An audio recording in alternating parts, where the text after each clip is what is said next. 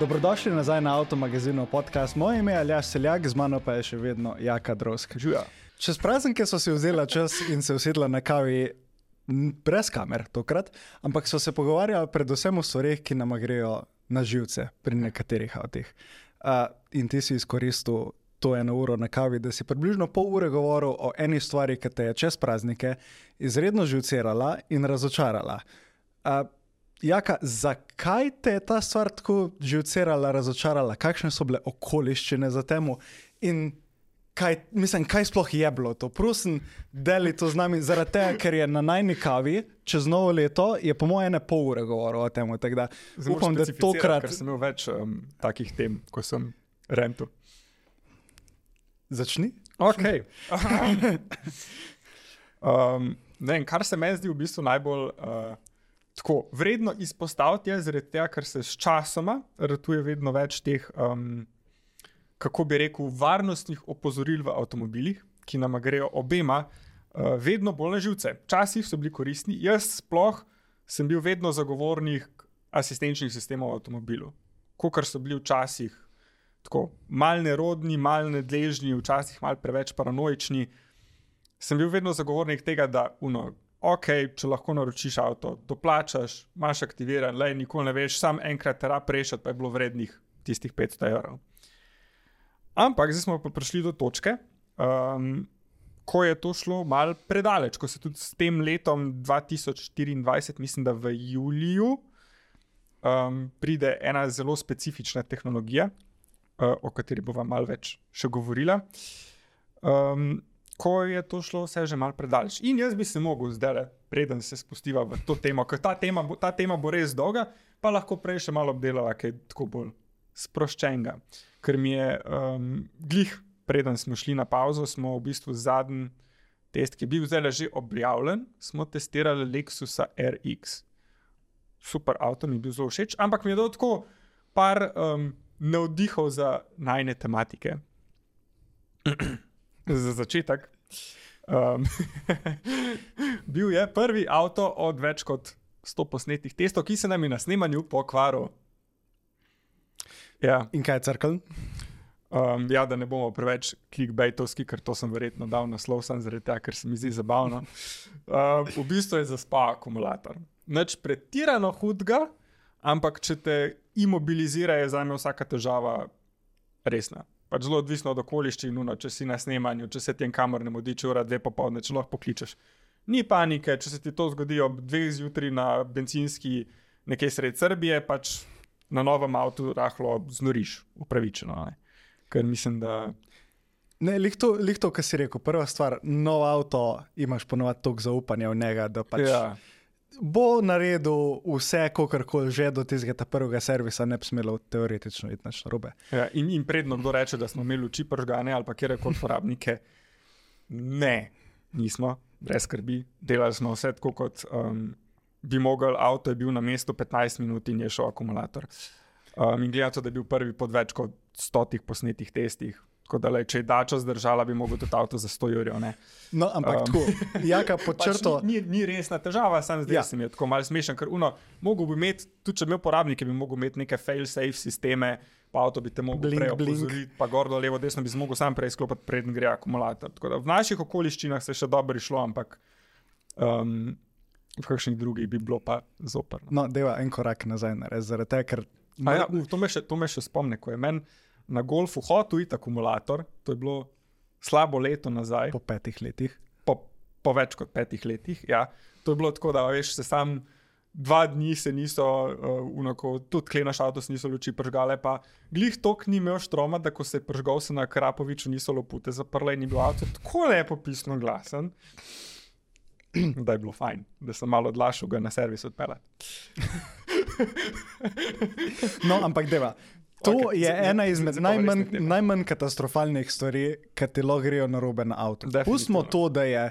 Okay, okoliščine so. Okoliščine ogromno- so kle zelo pomembne, Ja. ampak če te imobilizira, je kjerkoli težava, pač zop. Ja, zaradi tega, ker vprašal si me, kje pade to na mojemu spektru, oziroma seznamu stvari, Ja. ki bi, ki bi mi, ne, mi najbolj šle na živce in ki bi mi najbolj uničile dan. To je zelo, zelo nizko. Tako, nad temu je še luknja v bloku motorja, um, EGR, ki se odloči biti požigalec. Uh, na vrhu je pa, mislim, za me tako prometna nesreča, še posebej, če si pač ti, ti bil kriv za to.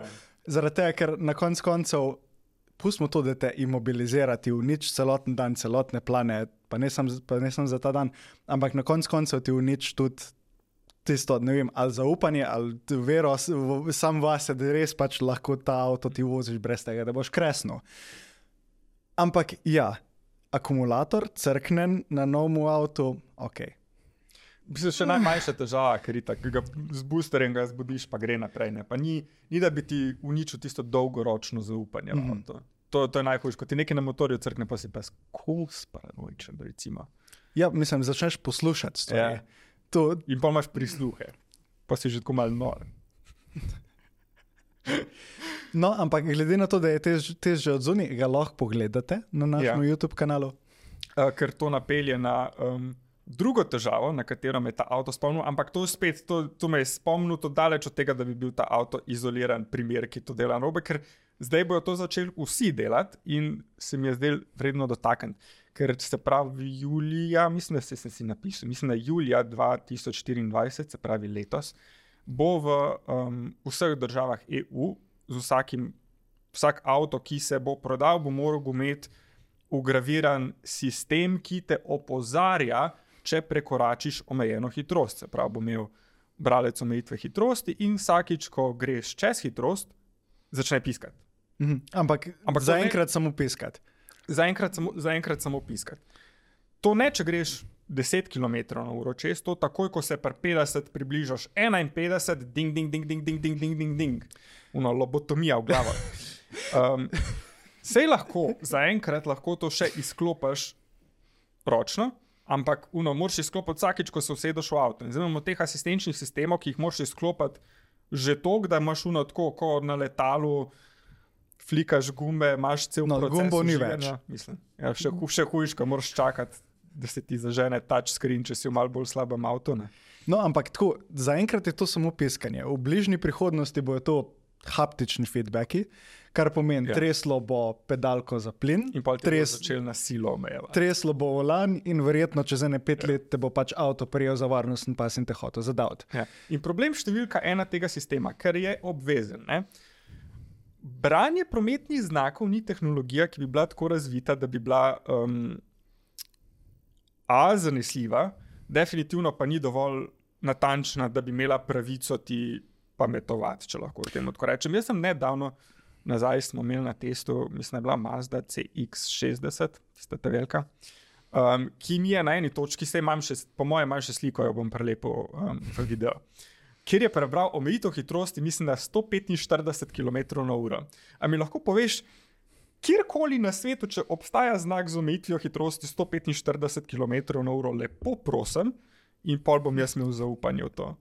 Ne, mislim, v Sloveniji je drugače še, še ena težava to pač naše pravilo, da križišče prekine omejitev hitrosti.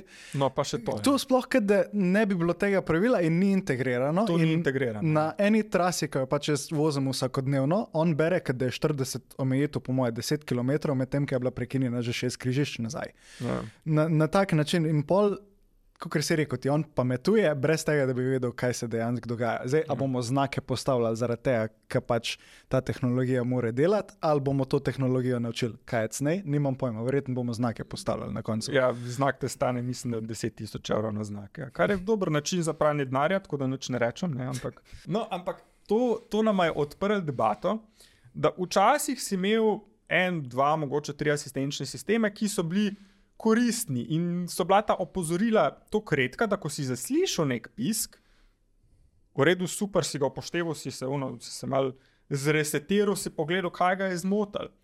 Zdaj pa recimo, kle. V Lexusu najprej ti piska to za hitrost, pol je bil ekstra paranoičen s parkirnimi senzorji že v normalnem start-stop prometu in to ne na BMW voznik razdalji, ampak na tisti normalni, ko se kot človek pač sledi. No, ampak ne? tukaj ti bom, te, samo za sekundo te bom prekinil. Radar tempomati ja. na teh avtomobilih, pa če se voziš v start-stop prometu, so prepočasni. pustijo lih toliko razdalje, da se ti dva urineta noter. Ja. Ja. To so pač radar tempomati delali že zadnjih ne vem, des, deset let, ampak to je pa ena stvar, ki jo jaz pri teh asistenčnih sistemih ne maram. In vsak Ampak avto, to ki ima, ki ima radar tempomat, ga jaz sklopim.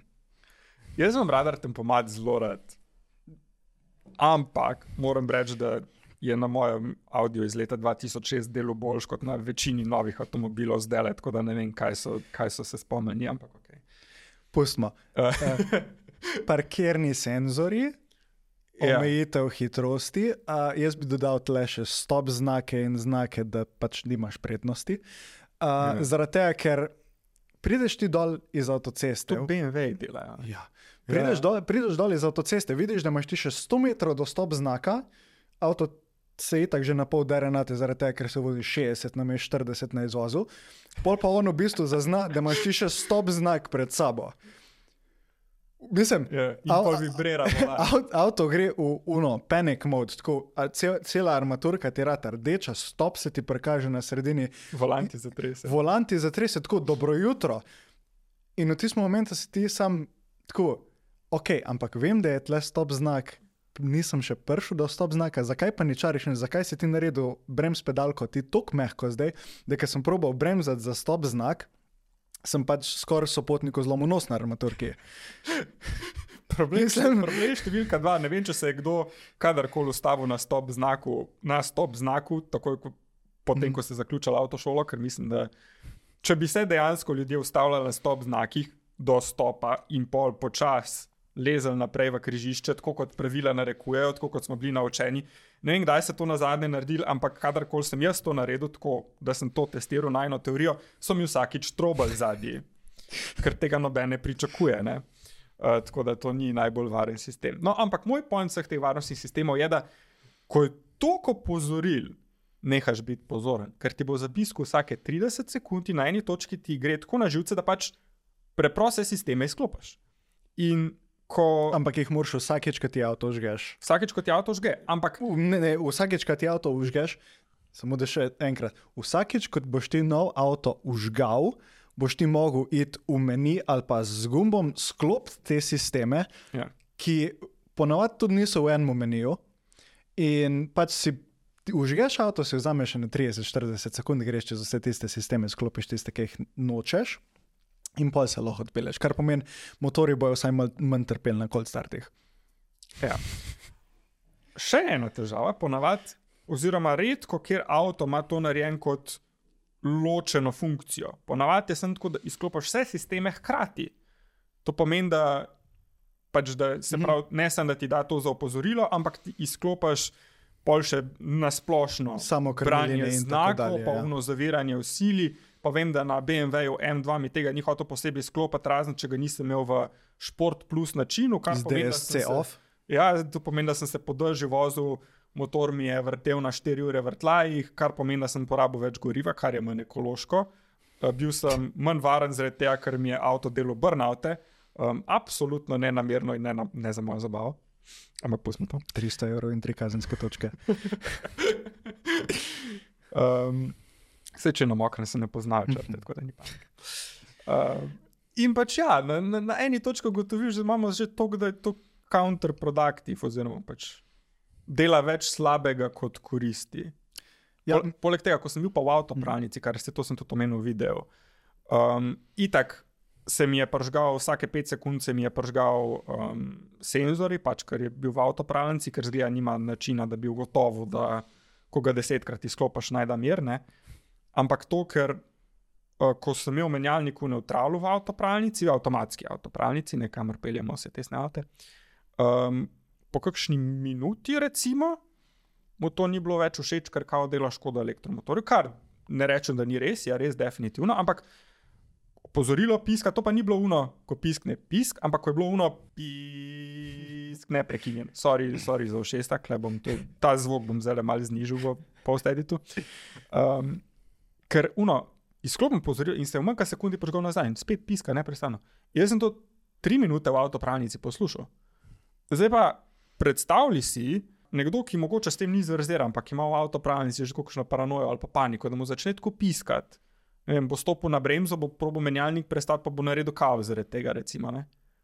Jaz verjamem, da se to nekomu lahko zgodi in težko krivim njega, ne. ker se mi zdi, da se zdaj. Zdaj, si šel prebrati. Re, res pa negativno. A lahko dam en še asistenčni sistem, ki meni gre Daj. izredno na živce. Uh, branje črt voznih pasov Ja. in uh, jemanje volana iz rok. Zaradi tega, ker si zapeljal čez črto. To, Aha, te to, to ja. je na avtocesti super. Okay. Imaš lane assist, oziroma mm. kako koli se pač pri te, pri tej znamki, ki jo vi vozite, reče temu sistemu, uh, ki te drži me, pač na voznem pasu. Ker se ti voziš po regionalkah, tako jaz sem iz Idrije, jaz se vozim po vinkih vsak dan. In posledično, kad ti hočeš kakšno vinko vsaj malo posekati, zaradi tega, ker veš, da v bistvu na bankini je taka luknja, da boš ti feltno avto in še kaj drugega uničil v tistem momentu, zapelješ čez črto in on reče: Ne, ne boš. In ti vzame volan, in pol začnem razmišljati še o tem, ok, to je bilo zdaj na suhmu, v soncu, imam, dobr, imam dobre gume na avtu, vse. In začnem razmišljati, kaj pa če bi on to naredil, pa da je res neki hladno, da je še kakšen črn let na cesti in tako dalje, da jaz zavijem v Wink in on reče ne. In pol posledično pač bom jaz letel ven lahko tudi iz tega. Tako da skratka, tega ne razumem in zakaj je to obvezno zdaj, da ne na ta novih avtih, ker, ok, razumem varnost. In vsi te varnostni sistemi, ki so jih zdaj omenila, so, po mojem mnenju, namenjeni povprečnemu ali podpovprečnemu vozniku, Mhm. ki rab dejansko neko asistenco, asistenco pri vožnji. Ampak te asistenčni sistemi, ker jih je toliko in zaradi tega, ker se konstantno neki piska na te in ker te v bistvu, angliška beseda je sensory overload, ne vem kako se to po slovensko, po slovensko reče. Ker se to dogaja, da v bistvu se ti preveč dogaja, da se lahko sploh koncentriraš na vožnjo. Ena, ena skrajnost je to, da se ne koncentriraš na vožnjo, zato ker ti toliko zaupaš tem sistemom. Ta druga stvar je pa, da se ti toliko obremenjuješ s temi asistenčnimi sistemi, da nehaš voziti. Ker te taka panika in ker se preveč dogaja, to se je zgodilo pač pri moji punci, ki je vozila uh, BMW, BMW serijo 5, pa bo to uh, Polše rekla. Uh, preveč je bilo, tako preveč se je dogajalo, pa ni vozila prehitro, prepočas, kakorkoli. Sem kar naenkrat je bilo preveč in je šla iz njene F30 trojke na ta novo petico in je bila tako, ne, jaz hočem starejši avto, lih zaradi tega, ker pač mi pusti voz po moje. Ne vozim nevarno in zato mi pusti voziti skozi. Ja, se to se čist strinjam s tabo, ker tudi ti sistemi, ki jih imamo zdaj, niso sposobni avtonomne vožnje. Pa pa Oziroma tule- jim ni dovoljena avto, avtonomna pa vožnja. realno. V idealnih okoliščinah Ja. ja. verjamem, da so sposobni, ampak to, kako imamo različnih znakov, pa ne točnih oznak na cesti, pa nepredvidljiv promet, pa vse to težko. Ne? In tako kot imamo, pa pri nas niti ne, ampak v Ameriki je bilo veliko tožb, recimo zaradi tega, ko je Tesla na avtopilotu imela nesrečo, zaradi tega, ker ljudje, ker to uh, zakoni o oglaševanju dovoljujejo, da se to oglašuje kot Avtopilot, ja. sposobnost avtopilota, avtonomne vožnje, pa v resnici je v malem tisku vedno razloženo, da je to pomoč pri vožnji, da ti kot voznik nimaš pravice in si vedno nimaš pravice, se pravi, vzeti um, volana iz rok, pa še vedno imaš popolno odgovornost. Ampak prvo kot prvo ljudje tega ne razumejo in to izkoriščajo ali pa se s tem igrajo. Ne? In pol krivijo sisteme za napake, kar pomeni, da so ti sistemi predobri, da bi ljudje se zavedali, da niso sposobni, po drugi strani so pa Premalo sposobni, da bi da bi zaupal. ja. dejansko lahko uno, res bili stotodstotno zanesljivi. Ne? In meni so bili abstraktni, mislim, tiste bolj prvotne oblike. Pet let nazaj bolj všeč sem zaradi tega, ker ti je dal neko opozorilo, si vedel, da se moraš mogoče malo zbuditi, če si bil na dolgi vožnji. Ni bil pa tisto, kot si ti rekel, sensory overload, se pravi, da um, vse čute preobremeniš do te točke, da ne dojemaš več, kaj se dogaja. In ja, no, se pravi, um, nima, po mojem, kakšnega zelo dobrega nasveta. Ampak ne, jaz sem, jaz sem prebral eno statistiko, mislim, da so to na EU-ju rekli, se pravi, da ta sistem, za, ki bo piskal za prekoračitev hitrosti, da um, napovedujejo, da bojo uh, smrti v prometu zmanjšane za 20 odstotkov. Zaradi tega jaz mislim, da bo to counterproductive, sem zaradi tega, ker bomo vsi izkrapljali vse asistenčne sisteme zaradi tega. Vsaj dokler ne dajo nekega posebnega gumba. Mislim, tu se tudi zraven v tem citatu je še, da pričakujejo, da bo znižal um, prehitro vožnjo za do 30 odstotkov. Mhm. Kar pomeni, da 70 odstotkov ljudi še zmeraj ne bo upoštevalo tega. kar mislim, da je ena taka lepa kontrastatistika temu, kar EU Ja. pričakuje. Pa sej prehitra vožnja je v velikih primerih res tisti krivd za nesrečo, ampak tistih Premehna varnostna razdalja. premehna varnostna razdalja in tako dalje. Ampak teh 5 do 10 odstotkov čez omejitev, kar se v Sloveniji v veliki večini primerov tudi ne kaznuje s kazenskimi točkami, pa kad ti avto že začne, tako da bi imel nekoga na zadnjem sedežu, pa sem tako, dragi, 2 km čez omejitev se voziš, dragi. 2 km čez omejitev se voziš in to je konstantno, res. In pa bo bolj nevarno, ker se boš mogel voziti 48, boš Ja. pa za sabo BMW, ki se hotel pa voziti 60, zaradi tega, ker še ne dobiš ka kazenskih pik. In pol ti bo on trobo in ne bo imel varnostne razdalje, kar je bolj nevarno, kot če bi se ti vozil 55 in bi on to toleriral. Ker tisti, ki si ne bojo kupovali novih avtomobilov, ne bojo vedeli, da je to sistem, ki obstaja.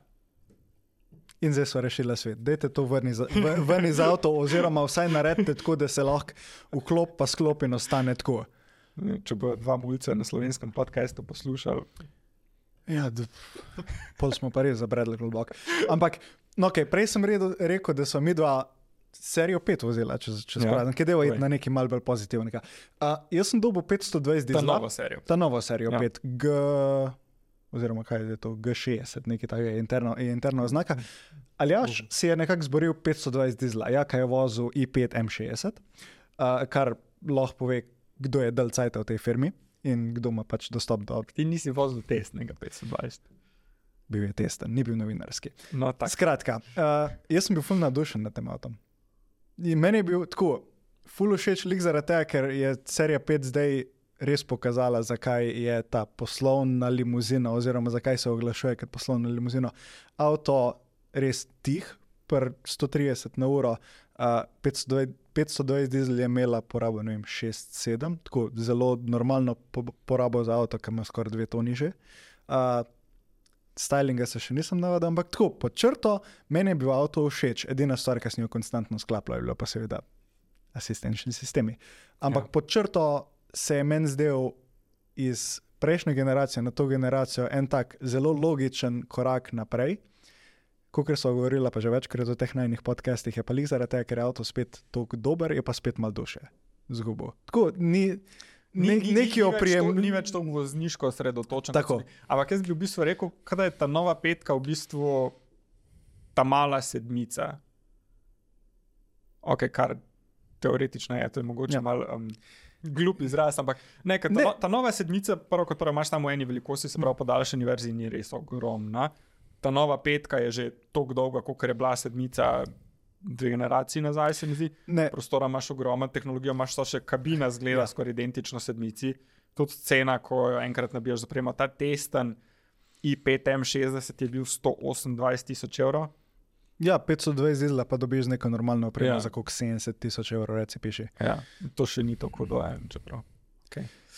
Ne, ampak Relativno. avti na splošno so full zrasli zadnje čase, kar Ja. pomeni, da pet, petica je stara sedmica, Razen ta nov Land Cruiser. To mi je všeč. trojka je stara, je stara petka in kaj je stara trojka? Ni več. Ni več, Ker so skratka. premale marže. Ne, ampak avt, avti so se full povečali in avti se na splošno ta novi vozijo kot eno generacijo večji. Tako, Ja, pač se, Ja. napredek tehnologije. Ne, meni je bila tudi petica zelo všeč, tudi zdaj, ko o tem govoriva. Um, test i5, ki ga je delal Janoš, bo tudi že na naših kanalih. Spet pogled. Ne vem, jaz, jaz, bi, jaz bi rad bi vozil še 520 dizel, da, da vem, kako. Ker ne vem, ali je bila meni všeč i5, ali mi je bila všeč petka kot petka. Ampak um, je pa res za tistih 600 konjev, če preveč za tak avto, ko nimaš samo Feeling. kontrole. Pa samo kontrole, pa nekega feedbacka, pa, Pa se se ko- bremze so največje omejitev na tistem avtu. Ker vse je fenomenalno, avto kot tak je res vrhunska limuzina. No, ampak izgledu spet, ne- ne spet smo tukaj pri tem, kar so govorili na podkastu o električnih avtomobilih, link levo, desno, gor dol, kjerkoli že. Uh, ne, mislim, huligan rataš. Ja, res je. Pa, Pač, ja, šest, šesto kon. pa ben te ne slišiš. Okay. Skratka, nova petica, obema nama je všeč, oba bi vozila uh -huh. avto, ki ga niso vozila, kar pomeni, jaz bi 600 konjsko petico, on bi pa ne vem, zakaj rad probal 500 dizla. Ker bo to avto, ki bo dejansko prodajan. Ker uno merilo petke je 520 dizel. Ampak ne, merilo petke bi lahko biti 530 dizel, zaradi tega, ker To je 3.0 dizel čudežno v teh novih avtih porabi manj kot 2.0 dizel. Zakaj? Ker se motor toliko manj matra. Čudežno. Čudežno. Če bi le to testi razumeli. Ampak testi veliko stvari ne razumejo, tako kot avtomobilski proizvajalci ne razumejo veliko stvari, Ja. oziroma ne razumejo tega, kaj dejansko je komunikacija z končnim, končnim uporabnikom oziroma kupcem, ki bi rad ta avto kupil. Uh, ta teden, oziroma prejšnji teden, so si vzela še malo časa, pa, pa, pa pobrskala po slovenskih avtomobilskih uh, spletnih straneh in probala najti um, tako najbolj zanimive in najbolj um, tako ne ravno uh, nezavajajoče uh, Ja. opise avtomobilov. Jaz v bistvu vsakeč, ko, ko dobiš nekaj avto, preden greš pisati test, um, vedno si grem pogledat na spletno stran tisti um, PR, release, prav, ki napiše vse tehnikalije, kaj novo, ono, drugo, tretje, da vem, na kaj se moram sploh skoncentrirati. In ko spet prijemo na tistega Lexusa, sem šel pogledat, ker me pač zanima, no, moraš mal prebrati katalog tehnične podatke, da veš točno, na kaj moraš biti pozoren, kaj so druge opcije, gor, dol, levo, desno, da veš, o čem govoriš. Um, in uh, to spet ni izjema, ampak me sem spomnil, no, da je to lahko potencijalna tematika, zaradi tega, ker, tako kot si ti rekel, PR-ovci um, zelo radi pretiravajo, uh, ker se osredotočajo na neke splošne kupce, ki se mogoče ne spoznajo tako dobro na, na tehnikalije avtomobilov. Uh, in bova danes prebrala ene par, par zelo dobrih, eh, zato da se mal nasmejimo in to bo res uno. ja. um, beseda za besedo. Čakaj, jaz moram še gas opisati. Druge znamke računalnikov so na voljo. Um, Ni moj. To, bo- to bo rezala ven. um, ok, pa bom prebral, oziroma bom citiral en odstavek iz kataloga Lexusa RX. Povsem novi športni terenec RX ustvarja zgodbo o vsestranskem navdušenju. To je avtomobil, ki privlači poglede in se najbolje počuti, ko je v vodstvu. Ok, Max Verstappen. Drzna nova oblika vretenastega telesa in ostre linije, peto generacijo ikoničnega športnega terenca napajajo z izdatno mero samozavesti. Moje prvo vprašanje Poleg a je- tega, klej je bila slovnična ja. napaka, še na koncu piše samozavesti. Ampak Okay, to je, um, Ne, moje, moje primarno vprašanje je: je to pisal nek PR oseba na japonskem, ali je to pisal chat GPT in pol preved, je pre, to pol ja, prevedeno? jaz, imam- jaz, imam- jaz imam mogoče zelo na sumu, da to piše nekdo na. Da nek, nekdo na japonskem da v chat GPT in pa se prevaja, ker so še pol kasneje v katalogu so neki japonski izrazi, ki absolutno ne brigajo nobenega slovenca, ampak pustimo to. Um, mislim, uno, ustvarja zgodbo o vsestranskem navdušenju. A si bil vsestransko navdušen? Ne, takoj ko sem prebral pol strani spodaj, da ima CV menjalnik, mi vse dol padlo, če sem iskren. Ampak ti je bil všeč avto, no. Ne, avto je bil super, vse ostalo je bilo super. Poglej, ne, ne bom spoilil testa, poglejte si test, pa boste videli, kaj sem si mislil. Um, ja, a boš ti prebral naslednjega? Ne, jaz imam v bistvu en, en avto, za katerega boš lahko ti ugibal. Ker je, zaradi tega, ker No, značilno padajočo streho razkriva legendarni Porschejev DNK. Uh, Mislim, znam, ko sem ti povedal, logično dobro, sem ti povedal, pa, ampak Padajoča streha bi si mislil, ne vem, 911 ali Ne. pa kaj manj. Ne. Pa namera? Ne. Tajkan. Kajen kupe. Ne. Pa pa nima več padajoče strehe. Makan. Aha. Mislim, To, to je point. to, je- to, a, a razumete, kam pač prihajamo s tem? Pa meni je mag- spet, Makan mi je zelo všeč kot Super avto, avto. ampak Porschejev DNK v Audiju Q5 iz leta 2008. Ja. Zelo mi je všeč avto, ampak Poleg tega, da dej, Porsche se, del, Porsche je DNK motor zadnji, če smo že. Oziroma traktorji, oziroma tanki, če gremo še malo nazaj. no, pod črto, ne se pustiti zavajati temu.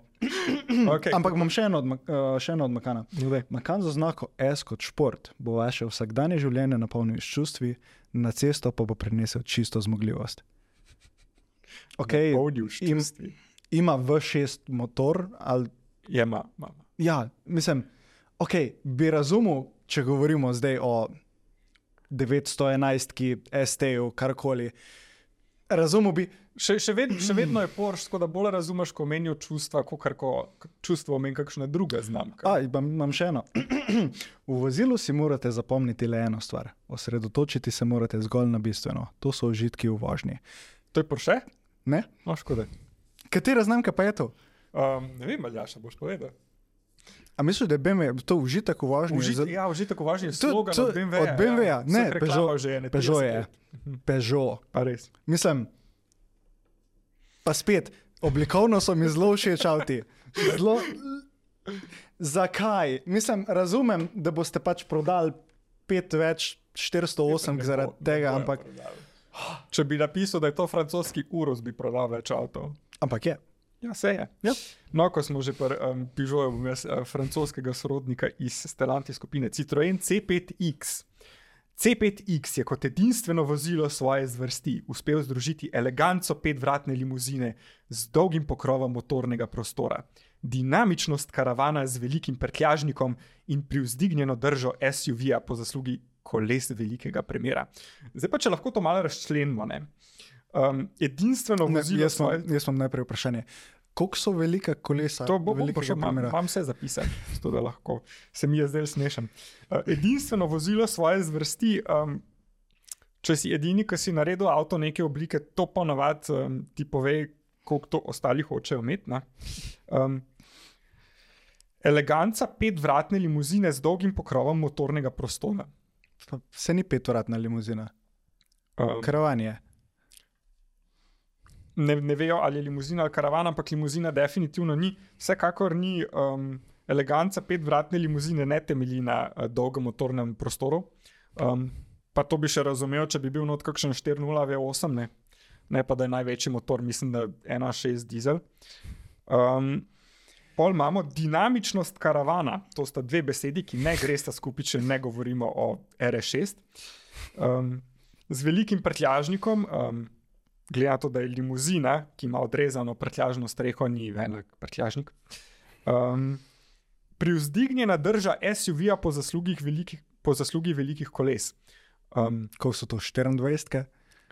Jaz mislim, da privzdignjena drža SUV-ja ne temelji na velikih kolesih, uh, sicer pa so kolesa uh, 19-palčna, kar v letu 2024 ni ravno rekordno. Tako mal, Pa to je spet, to je spet super avto, ja, ja. na testu mi je bilo zelo všeč.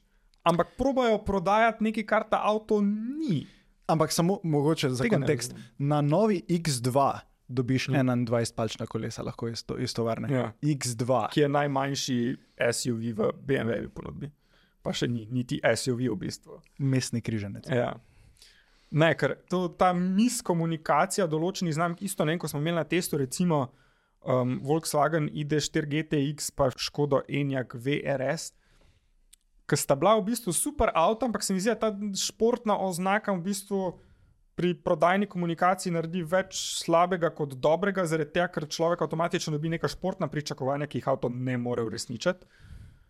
In pol, ne vem, kdo bi pa hotel imeti no, najboljši avto v ponudbi, pa vidi tisto športno znako, pa rekel, ok, jaz pa nočem športnega avta, si ga sploh nam pogledal. Ok, pomba, ko, ko smo že bili pa še, jaz sem še Tajkana. Duša ima veliko obrazov, ki se nenehno spreminjajo. O pogledu na Tajkana se razkrije z nasmehom, ki izraža popolno srečo.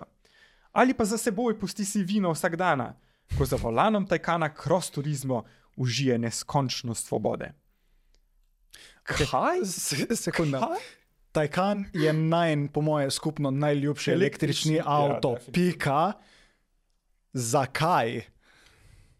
Mislim, jaz sploh ne razumem. Ta avto se bo, se bo sam prodal. To, kar ste tle napisali, bomo sem bolj zgubljeni zaradi tega. ker Za, Meni je to samo smešno. kaj se ti avto smeji? A kaj, kaj tle piše? No, razumel, razumel bi, ko prodajemo Mazdo MX5, ki se da, pač dejansko avto smeji od Ja. spredi. Ne razumem pa Tajkana. Ja, se mi smeji, ki ga vozim, ne razumem pa. Pa kako se duša razkrije z nasmehom, ki izraža popolno srečo. Pa neskončnost svobode v električnem avtu tudi ni glih najbolj Do prve izraz, Ja. oh, ja. No, okay, malo sem se nasmejala, ampak v bistvu so bili vse, vsi taki avti, ki so nama nekako všeč. Dejansko všeč. Ja. Ja, ker lahko bi zbirala hujše primere, pa bi pa rad tam že ne sram. No. No, ampak, ok, dajmo zdaj mojo uro zavrteti, ne vem, nekih 5-6 let nazaj. Sem uh, Ja. ja. tudi jaz delal Ja, v ja, prodaji. to, to sem te hotel vprašati. Ja. Ka- Kako si ti, um, ko si še delal v, v bistvu kar velikem um, prodajnem sistemu novih avtomobilov, Dobar, ne- neomenjeno znamko? Ne, rab, ne rabo iti v detajle, ampak, ampak sem o tem res prav razmišljal, sem, kaj so sploh oni fundamentalni, ne vem, proc, kaj je proces prodaje in kakšni so te kupci, ki priješ noter in kako vsakmu kupcu posebej uh, prodati avto. In sem pogruntal, da v bistvu kupci so nekje na spektru. Seveda so najprej so tisti, ki Spektru česa, jaš. spektru tega, a bojo dejansko avto kupili, pa a vejo, kaj hočejo. Na, en, na eni strani so um, tisti, ki niti ne vejo, kaj hočejo, pa so prišli samo, samo ferbcat, vmes so tisti, ki ne vejo, kaj hočejo in pač verjetno bojo avto kupili, ker ga dejansko rabijo. In na čist levmu, tle, um, koncu spektra so pa tisti, ki vejo točno, kaj bi kupili. Um, in to so moje najlju- najljubše stranke bile vedno, zaradi tega, ker uh, ta stranka je prišla v salon, uh, ponavadi tudi že sprintano specifikacijo z interneta. Tak, av- tak avto hočem. Si vzameš tiste, ne vem, pol ure, uro, predebatiraš res cel avto, a stranka to vse rab, v bistvu si ti res prodajni svetovalec v tem primeru. In pol v večini primerov pač si prodal avto na koncu. Eni pa pač pridejo v, v salon, ne vejo niti, kakšen model avta bi imeli. Lahko da imajo eno prostorca, ampak bi ne vem, karavana ali pa mestnega križanca, male, male SUV, kakorkoli že, gledajo, se pogovarjamo o tem, mine ena ura, pridemo do tega, da pač ta avto mi je, mi je všeč. Naslednjo uro se pogovarjamo o tem, kakšen pogonski sklop bi imel, zaradi tega, ker ne ve niti točno, koliko kilometrov bi delal, bi delal na let rad. A je to za elektriko, za hibrida, za bencinarja, za, za dizla, nimamo pojma. Uh, ampak ta prvemu človeku, ki sem ga omenil, nimaš veliko zapametovati na koncu koncev, zaradi tega, ker so si verjetno pogledali že ne 16 tisoč testov, zaradi tega, ker živimo v dobi interneta, te informacije pač so, so na internetu, medtem ko ta oseba, ki pa skoraj nič ne ve o tem avtu, njega pa lahko zapelješ na tak način. Um, Recimo, ena taka zanimiva statistika od, od Detroita je, uh, takrat, ko je ven prišla, se je BMW Pro organiziral in uh, naredil tak pres dogo- pres dogodek v Nemčiji, kjer so i3 proti takrat E90, ki je bila še aktualna M3, pač uh, postavili na cesto in rekli, zdaj pa vidva, štartite pa da vidimo, kdo je hitrejši. I3 je bila hitrejša prvi dve sekundi. Uh, ampak lahko poveš, le od 0 do 50 je ta avto hitrejši kot M3. Mislim, zakaj bi ti rabo kaj več, to je fantastič, fantastičen avto. Na tak način pač mu predstaviš dejstva in pač zapelješ v neko celoto, zaradi tega, ker še zmeraj prodajni svetovalci, prodajniki v, v avtosalonih, res upam, da vsi nimate namena pač nategniti nekoga, ampak pač po. Pokazati in porint nekoga čez rob, to je v bistvu bila stvar, ki sem, jo- jaz hotel delati kot prodajnik. Tako da, ja, na, na tak način predstaviš dejstva, kar probajo ta PR sporočila tudi narediti, ampak oni morajo tako širokemu spektru teh kupcev to povedati, da pač eni se jim bomo smejali, ta drugi bojo pa wow, to je fantastično avto. To. Automotive News of the Week. Zna, zmanjkalo nam je tem, jaka pa, Lahko. ve, jaka pa vem, da se, da se je zadnje, Neki, zadnje neki par dni Še. uh, obremenjeval s Huaweijem, oziroma s kom že? Um, Ne, še Omijem. je, je bil en nov avto, um, Xiaomi SU7, se pravi kitajski tehnološki gigant, se podaja v avtomobilizem. Um, to je ločena tema in v bistvu me zanima, kaj si ljudje mislijo o tem, ko se tehnološke znamke, ki nima absolutno nobene veze z avtomobilizmom, podajajo v avtomobilizem. A ni Apple hotel avto delati? Pa Sony, pa vsi te in pol vedno najdejo nekega podizvajalca, ki bo trpel njihove ne, neracionalne ideje. Um, ampak v bistvu niti ne govorijo iz tehnološkega vidika, ampak iz oblikovnega. A bo dala najprej sliko čez ekran za, Ja, za, bo- bo- za pet dala sekund, čez dej- ekran. dejte, dejte si ga Da pogledati. si, Najprej, da si ga dobro pogledate, od spredi, strani, od zadaj. Um, pa pa dajte pauzo na ta video, pa začnite malo razmišljati, na kire avte vas vse spomne. ampak dajte to najprej napisati od spodaj. In Ja. yeah. uh, hočem tako mnenje vaše, brez tega, da se obremenjujete, kaj bojo ostali, mislim, koliko bo palcev gor, pa palcev dol. Ja. Vse en. Ja, ker v Zdaj ste bistvu- napisali, ste. Ja, Ker je absolutno vsaka oblikovna linija, se mi zdi, da plagijat nekega, druzge, nekega drugega avta. Ampak to Kitajci obvladajo. Ja, ampak to, je- to je bil trend, dokler so Kitajci to prodajali na svojem trgu. Ko pa probajo priti v Evropo, se pa klepo malo zaplete. Ali pač. Ne vem. Spet, spet ne govorijo o tem, kako je avto tehnološko, uh, Govori, govorijo samo vozno, obli- dober, samo oblikovni slog, oblikovno. Striktno samo oblikovni slog. Ker meni se to zdi, da je to avto, ki sem ga že desetkrat videl. Pa niti uno ne morem več točno usmeriti, ampak iz strani linije, še uno iz boklina na prednjih vratih je identičen tajkan. Dobesedno prerišeš ga lahko, uno, izzrcalaš ga lahko, isti tajkan. Spredi luči McLaren 720S, celota je kot BYD Seal. Isti avto, zadnji, točno vem, difuzor je od nečesa prekopiran, pa se nisem mogel spomniti od česa. Uno, linija, luči, riti, tudi avto, ko smo ga že stokrat videli, pa se v bistvu. To, ko je novih avtomobilov, za vsak avto rečeš, da te na neki spominja, ampak meni se pa mi pa res zdi, da je totalna kopija, kopija in to pač. Se ne vem, zakaj je to tak problem, ampak Pa veš, kdo ga je risal? Jaz sem pogledal, kdo ga je risal, ker je um, kle, dva fun fakta dobimo iz tega, ki nas spet povleče nazaj na um, najpogosteje omenjeno znamko na tem podkastu. Um, se pravi, glavni dizajner Xiaomi-jevih avtomobilov, uh, se vnaprej opravičujem, ker bom um, definitivno na robe izgovoril to ime, je uh, Li Tianwan um, ki sklepam, da ne veste, kaj je že izrisal, ampak je recimo risal BMW iX. Ki, in to, ta avto je nasplošno tako oboževan zaradi njegovega izgleda. ne? A veš, da meni ta avto sploh ni tako grd, kot je Meni men, men, tudi ne, ampak deva publika. Ampak ja, ok, splošno um, dojemanje ima bolj na negativni strani. In ko smo že pri um, splošnem negativnem dojemanju BMW-jevih avtomobilov, njihov oblikovni svetovalec je pa Chris Bangle. Spet za mlajše poslušalce, to je um, glavni BMW-jev oblikovalec iz BMW-jeve grde dobe pred zdajšnjo grdo dobo. Čeprav grda doba, ki se je zelo dobro postarala in ki meni v bistvu nikoli ni bila zelo grda, ampak spet govorimo splošno, da ima. To je bil tisto, ne vem kdaj je bilo to, recimo 2003 do 2000. Ker so ljudje govorili, da E E60, nekje. M5, tista z V10 motorjem, je Ja, grda. to. Pa tista prva ja. sedmica z iDriveom, pa te fore. Tam. Se pravi, zgodnja 2000 in je zmanjkalo idej, izgleda. Pa so Mislim, šli tisto, ja. ja. ok, ko sva delala vse sama, se So je javnost obrnila proti nama.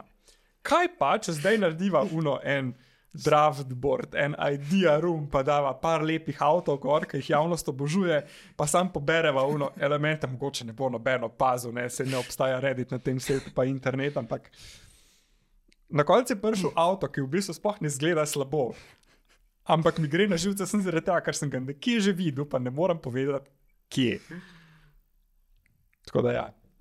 Ampak, ampak ko me čakava, da bo ta avto na evropskih cestah, zaradi tega, ker jaz bi dejansko probal nek električen kitajski avto, ki ni mestni Ja, ali pa nekaj racionalnega. Ful me na splošno me zanima, kaj v bistvu lahko um, Azijci na, na splošno, kar je Hyundai naredil z, z N oddelkom, kaj lahko še Kitajci naredijo neki.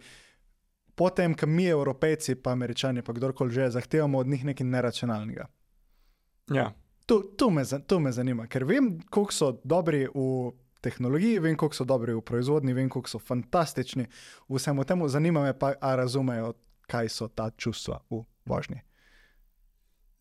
Čak, Zanima aj Nijo naredil, kaj bi bil tisti Nijo E59 ali kaj bi bil un hiperšporten električen avto. ne- Pustimo ne- hiperšportno, nekaj, kar se lahko usedem, pa se pelem z njemu na tiste klasične naš, naše ceste, kad smo se za brez veze šli v ost in pač, ko sem na vrhu, sem tako, ja, pač to, Ja, to. to, to. Vsi MG4 se pele boljš kot kar. Velika, ve, rivali. velika večina evropskih rivalov. Ja. Čeprav, ne, veš kaj pa, kar, kar pa jaz ne razumem. Kukar in vsi, vse ostale oblikovne elemente rata zadet. Se jim pa zdi, da imajo vsi kitajski avtomobili tako premehna kolesa, če ima to kaj smisel. Pa ne uno nujno velikost platišča, ampak tako, ko ga gledaš, ko je ogromen SUV škatla in pol taka mehna oska kolesa, nizka platišča, uno plastični pokrovi, ki pol res zgleda, kaj en klavira, veš. Ok, tle te bom ustavil, zaradi tega, ker kolikor sem, kolikor sem prej omenil, uh, na majhnih avtomobilih se zdaj dobijo ogromna kolesa. In to je trend, ki meni gre izredno na živce. To se strinjam. V bistvu začeli smo že s tem, ker smo začeli na avto dajati uh, runflat pneumatike, pol se je nadaljeval z extra load pneumatikami, zdaj je pa v bistvu tako kolo in v bistvu, da bi nekdo sam z svinčnikom potegnil eno črto okoli tistega kroga in to je guma. Razumem, da lahko to naredite, ampak zakaj? Zaradi tega, ker se avto lepš pele na manjših kolesih, zakaj tišite taka kolesa? Na prevelika platišča ali zdaj. Ja, Eni Raz- včasih bolj zgleda, ko sem imel, koliko sem imel. 13, Ja, zdaj pa 18. ja. Razumem, da nekaterim to dobro zgleda. Meni ne, ampak z Jakom se bližava 30, naj, najni hrbti ne bojo držali to več dolg časa. Ne, se moje prepričanje o prevelikih platiščih tako poznaš. Pa to je tudi, to je velikrat trend tam na, na vseh testih. Sploh pri električnih avtomobilih, ko se pa dejansko pozna dimenzije, pa poraba pa grozen. Če se prav spomnim, se mislim, da sem pri Enjaku to omenil, ker je bila svetovna razlika, če si imel na tam majhnih osnovnih platiščih ali pa na tem velikih čist drug avto. Seveda, prid manjših platišč. No, moje Ja. vprašanje do vas, a se vi strinjate s tem, kar, s tem, kar mi dva pridigava? Um, tudi jaz se kdaj s sabo ne strinjam, v re- v redu. Ja, se ko se poslušava nazaj, se včasih za glavo drživa, ampak se to ne, ne bi bilo smešno, če se ne bi. No, ampak najlepša hvala, da ste nas spet poslušali. Moje ime je Aljaš Seljak, to je Jaka Drosk in poslušali ste Avtomagazin podcast. Adijo.